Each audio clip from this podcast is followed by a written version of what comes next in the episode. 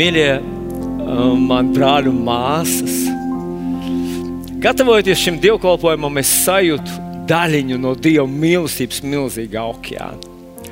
Mēs tikko dziedājām tādu jau sēnu kristiešu dziesmu, atmodas dziesmu. Es mīlu Jēzu. Bet uh, Pirmā Jāņa vēstulē, 4. nodaļā rakstīts, redziet, kādu mīlestību Tēvs mums parādīs, ka Viņš devis savu vienpiedzimušo dēlu, lai mēs dzīvotu caur viņu.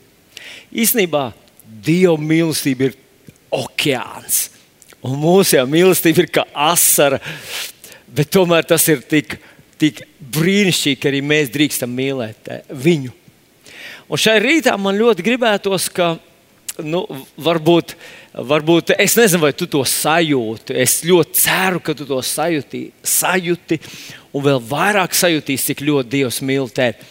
Bet kā būtu, ja šai rītā mēs kādam citam mēģinātu pateikt, un tu varētu ierakstīt tai savā, uh, nu, tai savā iespējā, ierakstīt tai chatiņā kopējā Dievs mīl tevi.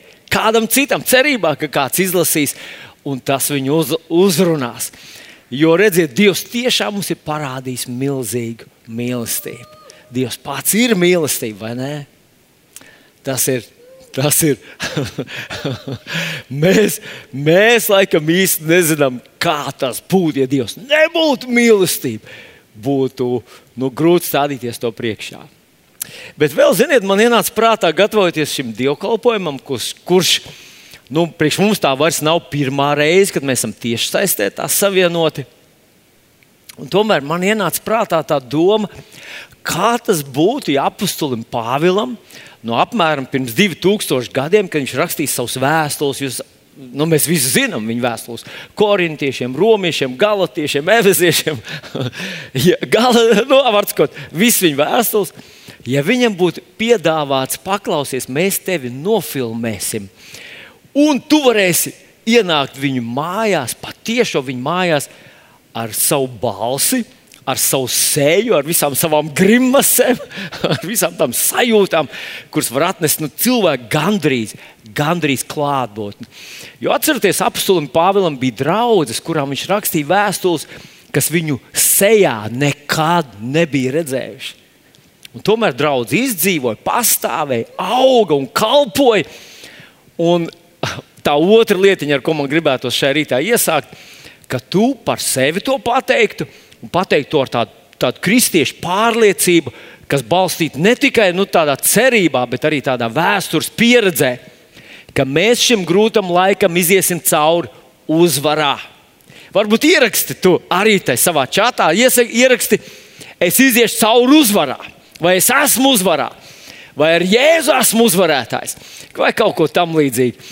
Jo, manuprāt, manuprāt, ir ļoti svarīgi apzināties, ka nē, mēs neesam kaut kādā tādā izdzīvošanas režīmā, vai, vai, vai, vai cik ilgi mēs tā, cik ilgi vajadzēs, mēs izturēsim, izdzīvosim un mēs pieaugsim. Man ļoti patīk tā vecās derības uh, sižetiņš, kad Izraēla tauta sāk vajāt Eģiptē, ka jo vairāk viņu spieda, jo vairāk viņi izplatījās, jo vairāk viņi vairojās. tā varētu notikt ar mums. Tā var notikt tā notiek ar mums. Vai ne? Ko tu saki par to, mīļais brāl un māsa? Nu, jau kādu laiku mēs esam līderi, vai ne? Un dzīvojam ar tādu līderu, tādu, nu, tādu mentalitāti. Mēs ietekmējam šo pasauli. Nevis sakām, vai, vai, vai viņi ietekmē mūs. Mēs sakām, aleluja, mēs ietekmējam pasauli. Man ļoti patika iepriekšējā svētdienas dievkalpojums, kad Dārvids mūs uzrunāja. Manuprāt, ļoti, ļoti tādu svaidītu, ļoti skaidru, sakarīgu vēsti. Es ticu, ka tā uzrunāja visus. Es to saku tāpēc, ka tā uzrunāja arī mani. Un tu neesi kvalificēts. Dievs vienalga tevi aicināja. Un tāpēc, ka viņš tevi aicināja, viņš tevi arī kvalificēja.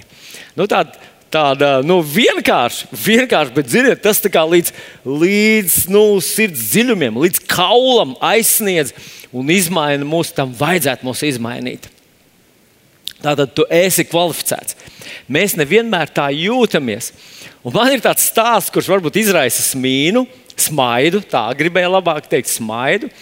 Bet viņš lieliski ilustrē šo situāciju, kad kāds, kurš domā, ka nav kvalificēts, īstenībā ir ļoti kvalificēts. Un tas tās ir par kādu sirmāku kundzīti, kas atbrauc uz lielveikalu. Viņa tā tad uh, noparkojas lielā stāvvietā, atstāja savu mašīnu, tad viņa tādu, tādu lielu apziņu, aizslēdz visas durvis ciet. Pēkšņi viņa konstatē, viņa skatās rokās somiņā, ka viņai nav auto atslēgas. Un tad viņi skatās par to, par tām, nu, par logu. Un, jā, mašīna ir cieši aizslēgta, un atslēgas atrodas aizdedzē. Nu, viņi, protams, pārdzīvo. Mēs visi par to pārdzīvojam, tādu situāciju. Bet nu, viņi nav vakarējā kundze. Viņa ir redzējusi televizorā, ka ļoti labi tādās situācijās noder drēbju pakarināmais. Viņi ir blakus lielveikalam. Viņi dodas iekšā, un pēc kāda mirkļa viņi atgriežas no turienes ar pakarināmo. Un tad viņi pienāk pie mašīnas, viņi sāk domāt, kur te bija kaut kas jādara. Jo filmās ir parādīts, ka eh, nu, ar to drēbu pakarināmo vienkārši to var izdarīt.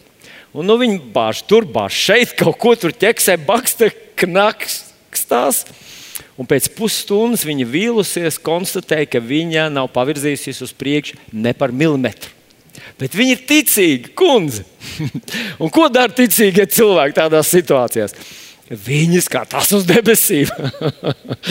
Viņi sāk lūgt Dievu. Debes Tēvs, palīdz man, kur esmu tādā situācijā, tagad kas būs. Un pēkšņi viņi ievēro, ka viņai garām nāk tāds, tāds drūmu paskatu vīrs. Tāda apģērbā iet vienkārši tāds. Laikam arī uz veikalu. Viņi saka, vai jūs, cienītais, nevarat man kaut ko palīdzēt? Un viņi izstāsta viņam to savu situāciju. Drūmais vīrs pienāk pie viņas mašīnas, un viņam tas precīzi paprasa septiņas sekundes. Pēc septiņām sekundēm mašīna ir vaļā. Kundzes sajūsmā metās viņam apkārt, apskauj viņu. Labais cilvēks, paldies jums! Un viņi nākošais, ko viņi dara, viņi pacēla savu skatu uz debesīm, saka, debes tēvs, paldies tev, ka tu atsūtīji man šo labo cilvēku, man izglābt. Drūmais vīrs stāv blakus un saka, tā, kundze, patiesība ir tāda, ka es neesmu nekāds labais cilvēks. Un īsnībā man jāatzīstās, ka es nu tikai iznācu ārā no cietuma par auto zādzību. Ko dara kundze? Un viņa vēl vairāk sajūsmā. Viņa atkal apķer šo cilvēku un saka, o, oh, debes Tēvs, tu atsūtīji profesionāli. nu, tas, kas tam vīram likās, ka viņš nav e kvalificēts, izrādījās, ka viņš ir ļoti kvalificēts. Mīļais draugs, man gribētos teikt, ka arī mums ir līdzīgs sajūta šādi. Mēs domājam, jā, nu, jā, nu tā, jau, tā jau viņš saka, bet mēs esam kvalificēti. Es ļoti ceru, ka šīs prediķa beigās, kad tu tam varēs uzticēties vairāk un varēs sākt jau rīkoties. Bet ko man gribētos nu, iesākt ar šo savu ceļojumu?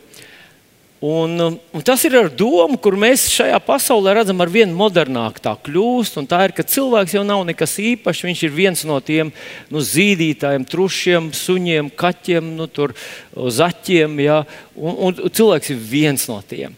Pavisam nesen mēs redzējām pie mūsu valsts parlamenta. Cilvēki izveidoja būri un gāja tajā sēdēt iekšā ar domu, mēs esam tādi paši.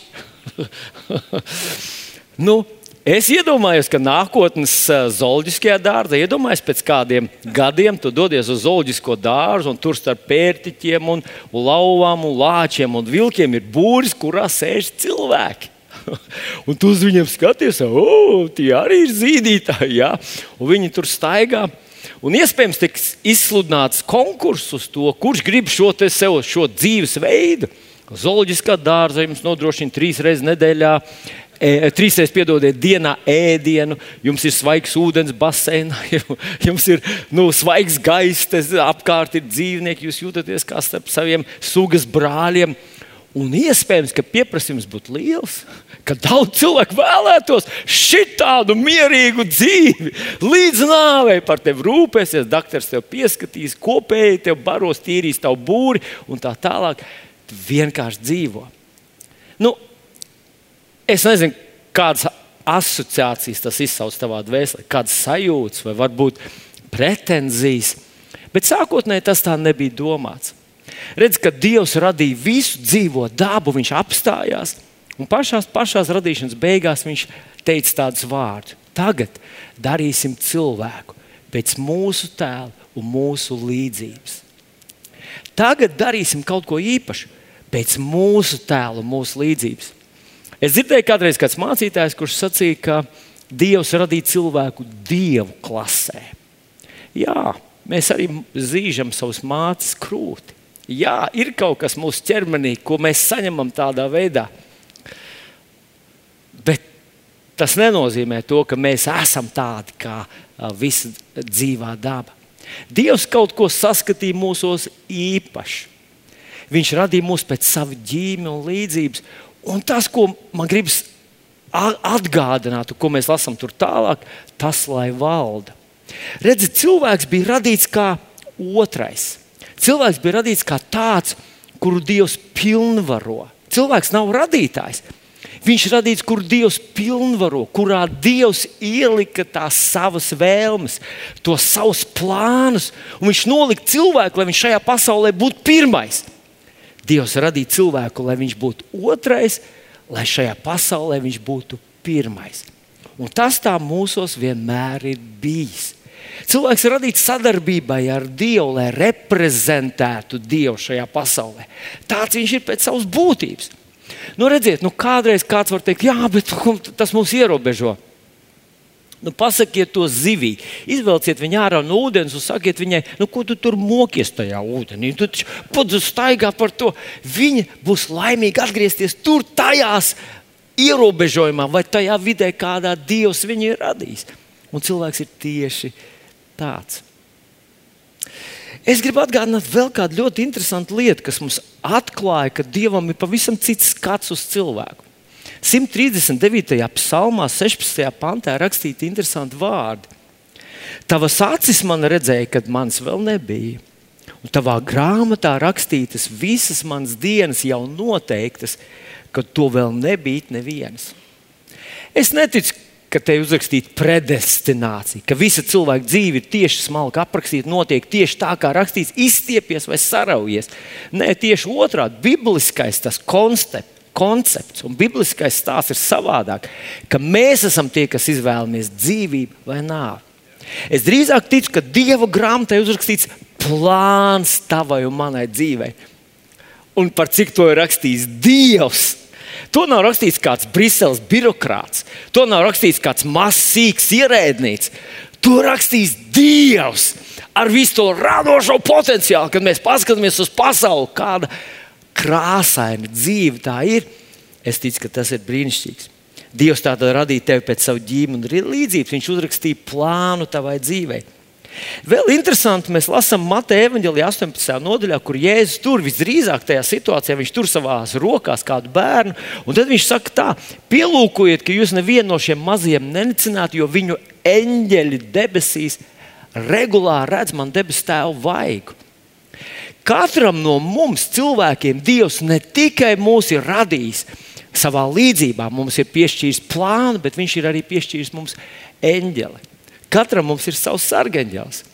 Un jā, kāds varētu teikt, nu, tas ir noteikti apstuļiem, kas ir kādiem īpašiem dievu vīriem. Un 91. psalmā mēs varam aprakstīt, ap, izlasīt īpašu aprakstu par tiem, kas atrodas ar Dievu ciešā personīgā saiknē. Viņiem ir apsolījums par īpašu Dieva apsardzību. Bet tajā pašā laikā, ebreju vēstulītē, 1. nodaļā, 14. pantā, mēs lasām par eņģeļiem, kas, kā mēs zinām, ir stiprāki un lielāki un pilnīgāki par mums cilvēkiem, tomēr tie ir izsūtām kalpošanai to labā, kam jāmanto pestīšana. Tad cilvēks vēl nemaz nav pestīts, bet Dievs katram cilvēkam, katram cilvēkam ir nozīmējis kādu sargaņģeli, kas viņam viņa dzīves ceļā iet blakus. Protams, ka sargaņģels nevar atņemt cilvēkam brīvo gribu, un ja cilvēks atver durvis lāstam, sargaņģels tur neko nevar padarīt. Bet Dievs no savas puses ir vēlējies nodrošināt visu, lai šis īpašais status cilvēkam tiktu saglabāts, jo Dievs mūs redz ļoti, ļoti īpaši. Saka, ļoti īpaši es esmu. Nu jā, bet Vilni, nu kā tad mēs tikko lasījām to pirmo korintiešiem, pirmo nodaļu, 26. pantu, kur rakstīts, raugat brāļi savus aicinātos. Nav tur taču daudz pasaules gudro, nav daudz varano, nav daudz augstu dzimušo. Un bieži vien tāda stereotipiskā domāšana rada mums tādu sajūtu, ka Dievs iet garām visiem tiem talantīgiem, gudriem, izglītotiem, stipriem, tiem izciliem cilvēkiem. Un viņš meklē kādu, kurš, kurš ir tāds īsta bēdu ielai. Un tos Dievs uzrunā, un tad viņš to sūta. Bet tas būtu pretrunā Bībeles tekstam, jo Bībeles teksts ļoti viennozīmīgi saka, ka Dievs neuzlūko cilvēku vaigu. Viņam pret priekš visiem cilvēkiem ir vienāda attieksme. Un tas nozīmē, ka Dievs nevar ignorēt tos, kas ir gaišāki, prāti, spējīgāki. Nē, Viņš tieši tāpat viņus mīl, tieši tādu pašu statusu. Viņi, viņiem ir tieši tāds pats status Dieva acīs. Dievs viņus mīl tieši tāpat. Bet raugoties uz apakstu Pāvila piemēru, kurš bija savu laiku viens no, un kā mēs saprotam, Pāvils vispār neietilps šajā aprakstā, jo viņš bija no sava laika viens no top izglītotākajiem cilvēkiem. Bet tādā Pāvilam, pēc tam, kad viņš sastapās ar Kristu, viņam vajadzēja 14 gadus, lai saprastu to, ka ne jau viņš darīs veiksmīgu Dievu, ne jau viņa prasmes, viņa izglītība, viņa talants, viņa raksturs, viņa tā mērķtiecība ir tā, kas padarīs Dievu veiksmīgu. Ne tāpēc Dievs viņu uzrunājis. Un tad viņš vēlāk saka, to, kas man bija iegūms, es turu to par mēsliem, lai viņi iegūtu. Tas ir tas grūtais tam ļoti izglītotiem, ļoti talantīgiem cilvēkiem saprast, ka Dievs viņus aicina ne jau viņu prasmi un, un spēju dēļ, bet tāpēc, lai viņi uzticētos viņam un Pāvils to saprata un iemācījās. Bet atļaujiet man atgādināt vēl dažus no Bībeles varoņiem, un padomājiet, es ceru, ka jūs man varēsiet nepiekrist, ka šie cilvēki ir īpaši. īpaši. Viņi nav kaut kāds bēdu ielais, tie ir cilvēki, kas ir ļoti apdāvināti. Nu, mēs varētu nosaukt pirmo mūzu, piemēram, kas man uzreiz nāk prātā. Mūzes. Viņš bija iespējams, ka savu laiku pasaulē pa, vispār pas, visā pas, zemeslodes viņš bija viens no top izglītotākiem, pieredzējušākiem, spējīgākiem cilvēkiem. Un Dievs viņu aicināja. viņš uzticējās Dievam un bija veiksmīgs sadarbībā ar Dievu. Es varētu pieminēt arī Jozo. Viņam blakus bija. Tas bija laikam cilvēks, autodidakts. Viņam no dabas, nu, no dabas mēs sakām, liekot to pēdiņās, domās, ka Dievs viņā bija iedevis tādas dabīgas spējas, karavadoņu, valsts vīrs, stratēģis spējas. Viņš vadīja visus karus. Viņš prognozēja un visu to izdarīja, ko parasti cilvēki dara un sasniedz mācoties un pieredzēja ilg, ilgos gados. Jozo tāds bija uzreiz. Daniels bija savā laikā Bābelē, kas bija tā laika impērija. Viņš bija viens no visgudrākajiem cilvēkiem. Pēters bija uzņēmējs. Un jā, mums kādreiz liekas, nu, tāds vīriņš ar, ar tādu nodriskātu pīci kaut kur dīķa malā. Nē, viņam bija vairākas laivas, un bija cilvēki, kas pie viņa strādāja savam laikam, savai situācijai. Viņš bija veiksmīgs uzņēmējs. Jānis nāk no ietekmīgas dzimtas, un atcerieties, viņš, viņš viņu ielaida Pilāta tajā namā vienkārši tāpēc, ka durvju sargs viņu pazina. Lūk, bija ārsts, Matejs bija no ieņēmuma dienesta ierēdnis. Un tad Bībele nobeidz, vai piedodiet, Jēkabs arī kādā vietā piesauca Eliju, kas bija vispār unikāls cilvēks. Viņš savā laikā ticēja par lietām, kas nekur nebija uzrakstītas. Viņš uzdrošinājās darīt un ticēt par lietām, kuras nu, Mēs kādreiz skatāmies, un mums vajag entās raksturvietas, lai mēs kaut ko uz, uzdrošinātos un noticētu. Pirms Elīze nebija neviena tāda, kurš būtu uzbraucis debesīs, ugunīgos ratos. Viņš bija pirmais, kurš sauca uguni no debesīm. un tur aizliedz lietumlīti un tā tālāk. Un tad Elī, un Jēkabs piedodiet, saka, un Elīze bija cilvēks mums līdzīgs, jums līdzīgs. Elīze bija cilvēks tev līdzīgs. tu neesi bēdu ielai. Tu neesi kaut kāds nomaldījies spermatozīts. Nē, tu esi Dieva īpaši ieplānots, īpaši radīts. Viņa grāmatā ir labs pus, kur aprakstīta tava dzīve, tava, viņa plāni tev. Viņš ir piekomandējis tev eņģeli. Tu esi brīnišķīgi radīts kādā vietiņā, Dārvids tā saka par sevi. Un tāds esi tu. Zināt, viens vīrs man sacīja tādus vārdus. Viņš ne burtiski man, bet es lasīju viņa komentārus, kur viņš rakstīja kādam citam. Viņš teica tā.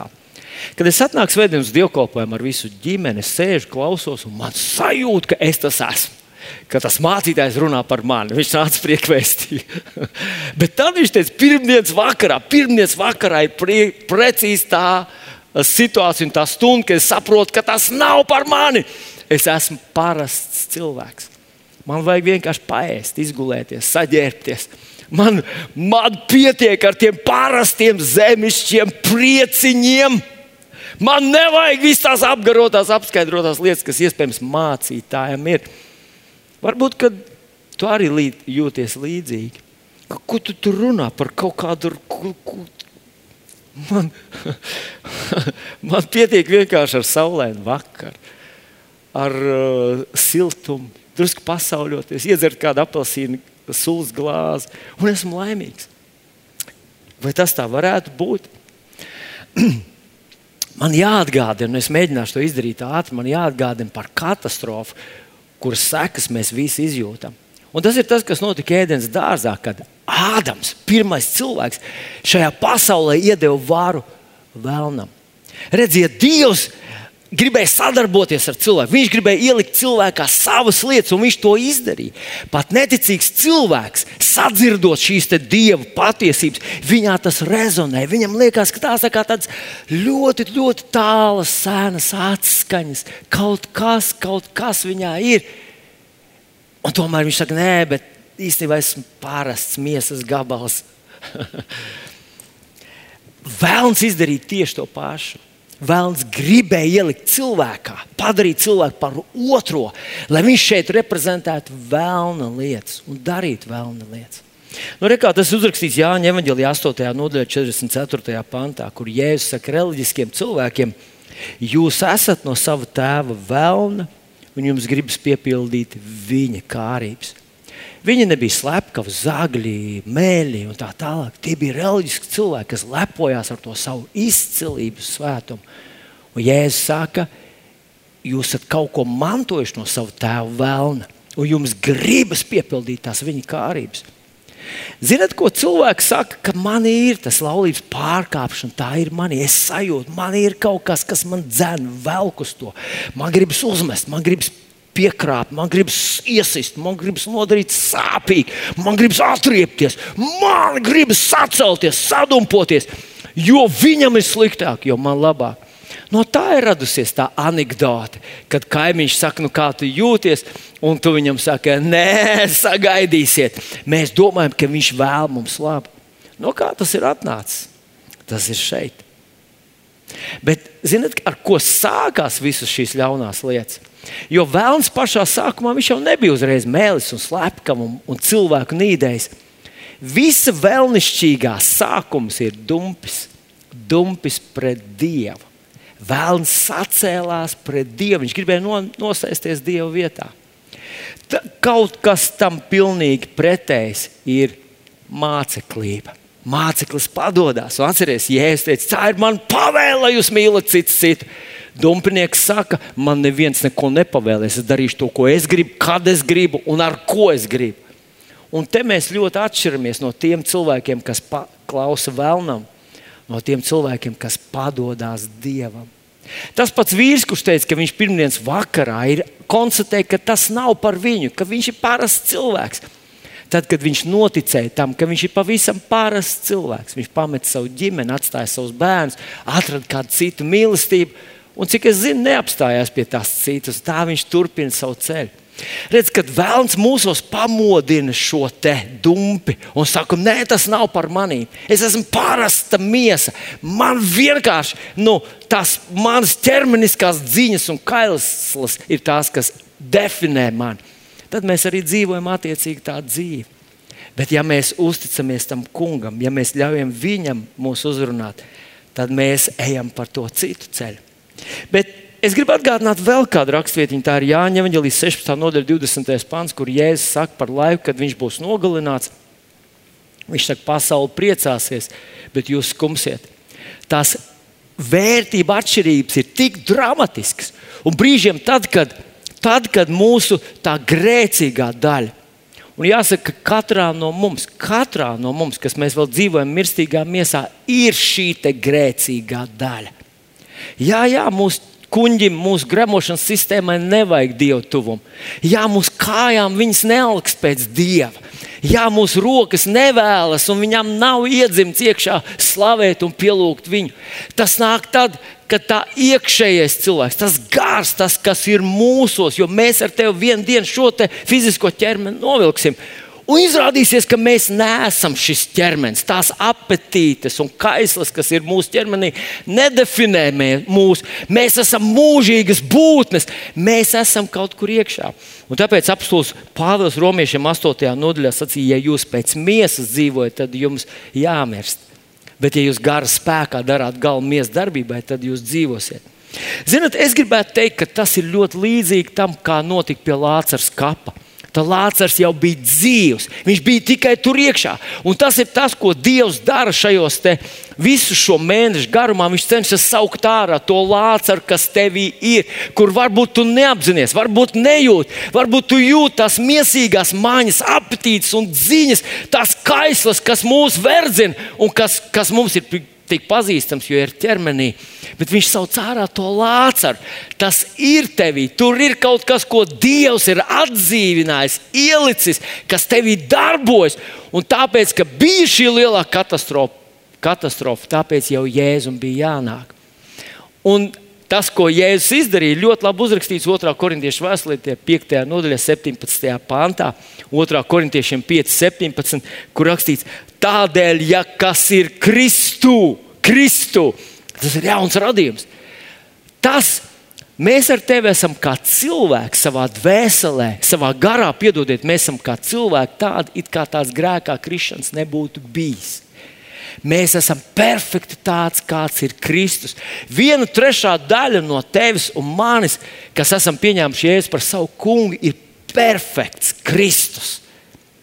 Mēs strādājam pie savas dvēseles, un tā miesa tā vai nu viņa pielāgosies, vai viņa nemainīsies. Mīļais draugs, tu esi Kristu Jēzu. Tu esi jauns radījums. Tu esi tas, kādu Dievs tevi radīja. Tu, ko Viņš tev ielika, tas ir tevī reāls un dzīves.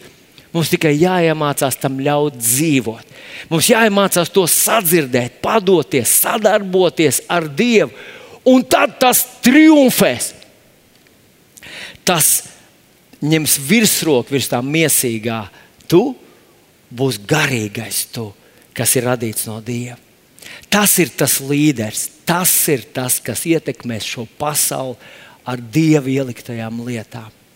Un, nu, mīļais draugs, es gribētu nosaukt trīs vienkāršas lietiņas, kuras tu un es varam darīt, jo esam. Ticam, mēs pateicamies, Kungs, mēs ticam, ka Tu to esi izdarījis priekš mums. Mēs gribam atbildēt Tev, mēs gribam iznākt ārā no tā kapa, jo esam dzīvi. Kristus mūs ir atdzīvinājis. Un tā pirmā lieta ir palikt, veidot personīgas sirds attiecības ar mūsu debes tēvu. Personīgas attiecības ar tavu debes tēvu. Viņas jau ir, tev viņās tikai vajag palikt. Manuprāt, ļoti spilgts pāns, kurš mums to atklāja, ir Psalms 37, 4. 37. psalmā, 4. pantā rakstīta tāda vārda: meklē savu prieku savā kungā, tad viņš tev dos pēc kā tavs sirds ilgojas. Tas no tā ir atvasināts tas, tas uh, teiciens, pasaki man, kas ir tavi draugi, un es pateikšu, kas tu esi. Vai pasaki man, ar ko tu draudzējies, un es pateikšu, kas tu esi. Redziet, mūsu ķermenim, nu, dienu viņam, viņš ļoti labi jūtas pludmalē, viņam nevajag dievu tuvu. Mūsu kuģis ļoti labi jūtas vienkārši, kad viņš ir piebāzts, un, un viņam nevajag lūgšanu, viņam nevajag dievu meklēšanu. bet kaut kas ir mūsos dziļi iekšā, kuram to vajag. Un vai tu neesi to piedzīvojis, kad, kad ķermenis ir apmierināts, bet kaut kur iekšpusē ir sāpe un smeldze? Tev kaut ko vajag. Un otrādi, kad tu esi pavadījis laiku Dieva tūmā, tur iekšpusē kaut kur ir tāds. Ha, halleluja! Bet tavs ķermenis saka, nu, kas no tā? Kas man no tā? es esmu to jūtis. Jā, jā, man ir tāds pats miesas gabals. Es dzīvoju šajā pašā māla būdā, kas šīs garīgās lietas īstenībā nespēja aptvert. Bet es lieku viņam mācīties, un lieku viņam padoties un pierast pie tā. Tā tad ja tu pavadi laiku ar to kungu, un tas ir iespējams, tas katrā no mums cilvēkiem ir ielikts, ka tu vari nonākt tādā vietā, ka tas tev sagādā baudu, atrasties viņa tuvumā. Atrasties viņa tuvumā. Vai Dievs grib atņemt man visu manu mīsīgo dzīvi un kļūt, padarīt man par cilvēku, kurš tikai sēž uz lūkšanas ceļiem? nē, nē, viņš zina, ka tu esi miesā, un viņš zina, ka tev ir dvēsele. Viņš neliedz tās lietas. Bet redz, ja tu pavadi laiku ar to kungu, tu kļūsti viņam līdzīgs. Kas ir tavs draugs? Ar ko tu draudzējies? Tāds tu esi. Un jāsaka tā, ka man, es esmu laikam nonācis tādā vietā, ka man patīk ar viņu būt kopā man ir labi, kad es esmu viens. Un kad es, es, es nerunāšu par sajūtām, bet dažkārt tās ir reāls sajūtas, ka tu esi ar viņu kopā. Un tev ir bauda, prieks, sajūta, miers, tāda apgarota o, s, uh, nu, sajūta, vēlreiz teikšu to pašu. Būt viņam tuvu.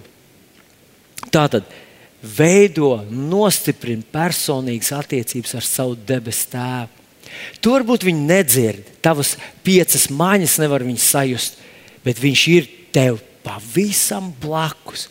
Un, ja tu to ticībā vēl pieņem, ka tu runājot uz viņu, viņš tevi klausās, ka viņš pielūdzot un izsakot savus, savus mīlestības apliecinājumus viņam, viņš tos pieņem.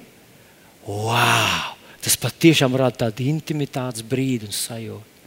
Bet nākošais punkts, ko gribētu, uh, pie, uz ko es gribētu vērst tavu uzmanību un mudināt tevi, tas ļoti vienkārši. Paliec Dieva vārdā. Jāņem evanģēlī 8. nodaļā, 31. un 32. pantā, Jēzus uzrunā cilvēkus, kas bija sākuši viņam ticēt. Tur bija liels pulks jūdu. Un Jēzus nesaka, o, oh, viss ir izdarīts, tagad, aleluja, ejiet, viss ir kārtībā, jūs esat debesīs. Nē, viņš saka viņam, ja jūs paliksiet manos vārdos, jūs patiesi esat mani mācekļi. Ja jūs paliekat manos vārdos, jūs patiesi esat mani mācekļi, un jūs atzīsiet patiesību, un patiesība darīs jūs brīvus. Redz, tad, kad tu paliec viņa vārdā, kaut kas ar tevi notiek. Tu tas vārds, viņš kaut ko izdara tevī. Un tad ir vairākas tādas ainas, kā Jēzus zīmē. Marka evanģēlijā, 4. nodaļā, viņš zīmē Dievu vārdu kā sēklu, kas uzaug par koku. Bet ir kāda cita arī raksturvieta, Iesai 55. pēc mirkļa mēs tai pieskarsimies.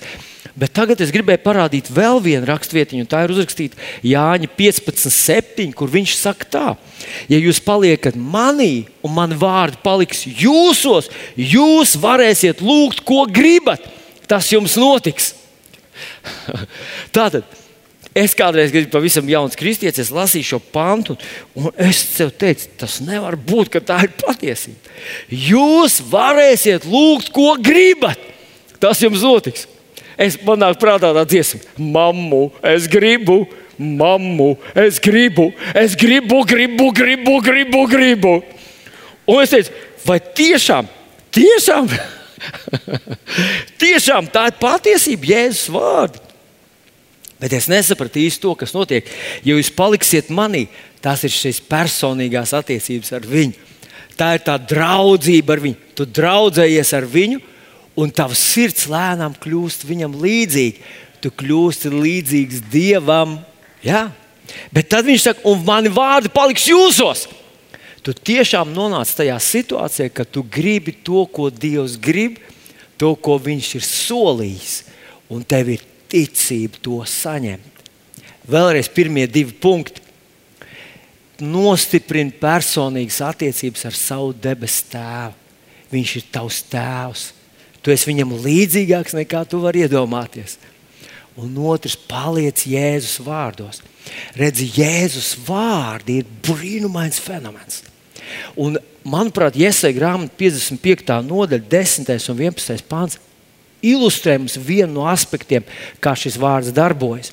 Ko mēs lasām? Jo kā lietus un sniegs nāk no debesīm un turp neatgriežas, pirms tas nav veldzējis zemi, to apaugļos un tērpis zaļumā, ka tā dod sēklu sējiem, maizēdējiem, tāpat tas ir ar manu vārdu. Es apstāšos šajā vietā.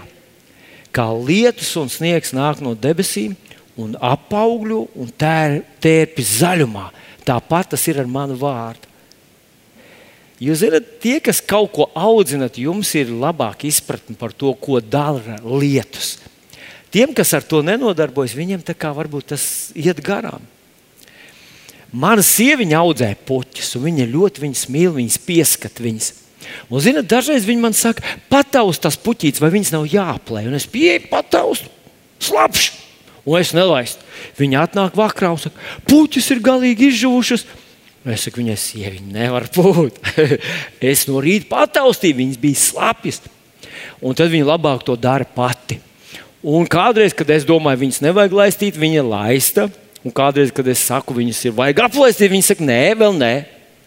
Redzi, lietus un sniegs, tas ir tas, par ko viņš runā, par mitrumu.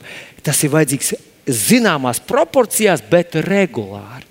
Es pazīstu cilvēkus, un manā dzīvē ir bijušas tādas reizes, kad es vienu dienu lasu Bībeli un izlasu 30 raksturvietas. Bet pēc tam pusgadu vairs nelasu vispār Bībeli. Jo tev tā sajūta, nu, nu taču es sagāzu trīs spaiņas uz to mazo akāciju. Nu, ies viņa.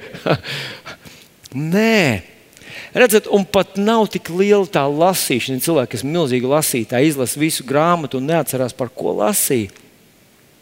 Tur ir tā doma palikt Daudz labāk ir izlasīt trīs pāns un palikt visu dienu, divas, trīs viņus domāt, apcerēt un ļaut, lai šie vārdi izmaina tavu skatījumu uz pasauli, uz Dievu, uz ienaidnieku, uz tevi pašu. Tas ir tas, par ko viņš runā. Tev, lai tu izaudzinātu lielu ticības koku, ir vajadzīgs regulāri Dieva vārds. Tev vajadzīgs visu laiku atrasties šī Dieva vārda iespaidā, šajā Dieva vārda mitrumā. Tātad nostiprini ciešas personīgas attiecības ar savu debesu tēvu. Tā ir lūkšana, tā ir saruna, tā ir klausīšanās, tā ir laika pavadīšana viņa klātbūtnē, tā ir slavēšana, pielūgšana un godināšana. Tā ir vienkārši baudīšana un priecāšanās. Un otrais, tu nemitīgi atrodies vārdā. Nemitīgi, nemitīgi. Vajadzētu būt tā, ka uz katru situāciju tev ir kāds pants, kur tu zini, kas ir dzīves tavā sirdī, kur tu atraisi. Viens cilvēks man teica, es vispār nedomāju par to Covid situāciju. Tā, es, es, tā, kā es dzīvoju tā, it kā tās nebūtu. Nu, es nezinu, varbūt viņam tas darbojas. Man tas darbojas savādāk. Es saprotu, ka tieši tā ir tā situācija, kurā es ņemu kaut ko no viņa apsolījumiem un pielietoju to. Un es runāju mērķiecīgi, jo Dieva vārds ir zobens, kā Pāvils mums raksta Eviziešiem 6. Un es to zobenu lietoju. Es situ šo ienaidnieku, jo Covid ir tavs un mans ienaidnieks. Un Dievs negrib, lai viņš mums uzbruk. Uzbruksim labāk viņam, mēs jau iepriekš. Un tagad ir pēdējais punkts. Pēdējais punkts ir visvienkāršākais. Un, ja Dievs tevi radīja kā otro, lai šajā pasaulē tu būtu pirmais, pieņem šo situāciju. Pieņem to, ka ir lietas, kuras vienkārši tu nejūti un nesaproti. Bet viņš pateica, ka jādara tā. Un tu vienkārši to pieņem. Ka tu tiks vaļā no dumpja. Tā ir vēlna palieka. Tas ir vēlna apendicīts, kur mums vajag izoperēt no sevis. Dumps pret katru autoritāti. Bērni dumpojas pret vecākiem, draugi cilvēki dumpojas pret savu mācītāju. Kristieši dumpojas pret to, kas Bībelē uzrakstīts. Nē, laiki ir citi, tagad ir mainām. Tas nepie kā labi nenoved. Zini, kas berzē rokas? Lucifers. Tas ir tas, kā sākās visas lielās krišanas. Tā viņš kļuva par slepkavu, ienaidnieku un lādētāju. Mēs ar tevi esam miera nesēji Mēs esam Kristus mācekļi. Viņš sacīja, ejiet, un mēs ejam. Mēs esam avis. Kā līgums sacīja, mēs neesam āži. Āzis iet savu ceļu, avis seko ganam. Un tu esi tāds, tu esi. Tas tev ir ielikts. Varbūt tu to nesajūti. Varbūt tev vēl aizvien ienaidnieks melo, ka tu esi vienkārši miesas gabals. Tev ir dziedzeri, tev ir gribas, tev ir apetīts, tev ir kuģis un tā tālāk. Tās visas lietas ir, bet viņas nevalda pār tevi. Valda kaut kas lielāks un nozīmīgāks. Un tātad gribētu teikt, rīkojies kā māceklis, rīkojies kā otrais, kas nolikt šajā pasaulē, lai ietekmētu, lai būtu pirmais, lai pielietotu autoritāti un varu, ko Kristus tev ir devis. Rīkojies, ir jārīkojas. Bet ļauj man atgādināt vienu mazu rakstvietiņu tikai pašā, pašā nobeigumā, un tā rakstvietiņa no 1. Jāņa vēstules 4. nodaļas 6. panta. Mēs ar tevi esam no Dieva. Kas Dievu atzīst, klausa mūsu. Kas nav no Dieva, neklausa mūsu. Redzi, Vēlams bieži vien mums melo un saka, nē, tev nesanāca, tāpēc, ka tu esi bēdu ielai, tev nav dots, tu esi neveiksmīgs, tev nav talanta, un tā tālāk, un tā tālāk. Tie ir vēlni meli, kā mēs jau zinām. Mēs neklausām viņam. Bet jā, mēs saskaramies ar situācijām, kuras īsti nenostrādā tā, kā mēs to redzējām un gribējām. Tā nav problēma, nav tevī. Varbūt problēma ir ārpusē. Varbūt tie cilvēki, kurus tu uzrunā, viņi nav no Dieva, kā viņš to saka. Viņi ir atraidījuši Dievu. Un, ja viņi atraidīja Dievu, mīļais draugs, man žēl to teikt, viņi atraidīs tevi, neklausīsies tevi. Pravieši ir izsmieti, pravieši ir nicināti, pravieši ir nomētāti ar akmeņiem. Dieva sūtītie izcilie kalpi un kalpots ir piedzīvojuši dažne dažādas sāpīgas atraidījumus, bet tas nebija viņu dēļ. Tāpēc, ka tavs kungs ir atraidīts, Jēzus ir atraidīts. Un savā dzīvē viņš piedzīvo atraidījumu vairāk nekā jebkurš cits visā cilvēces vēsturē. Un tu ar to piedzīvosi. Bet tam nevajadzētu tevi apturēt, būt par to, par ko tu esi radīts būt. Tu esi radīts otrais. Lai tu šeit reprezentētu Dievu un nolikt savā situācijā, lai būtu pirmais, ietekmētu, valdītu, atraisītu svētību, mieru un pagodinātu kungu Jēzu Kristu. Un tā tas darbojas vienmēr. Es esmu svētīts.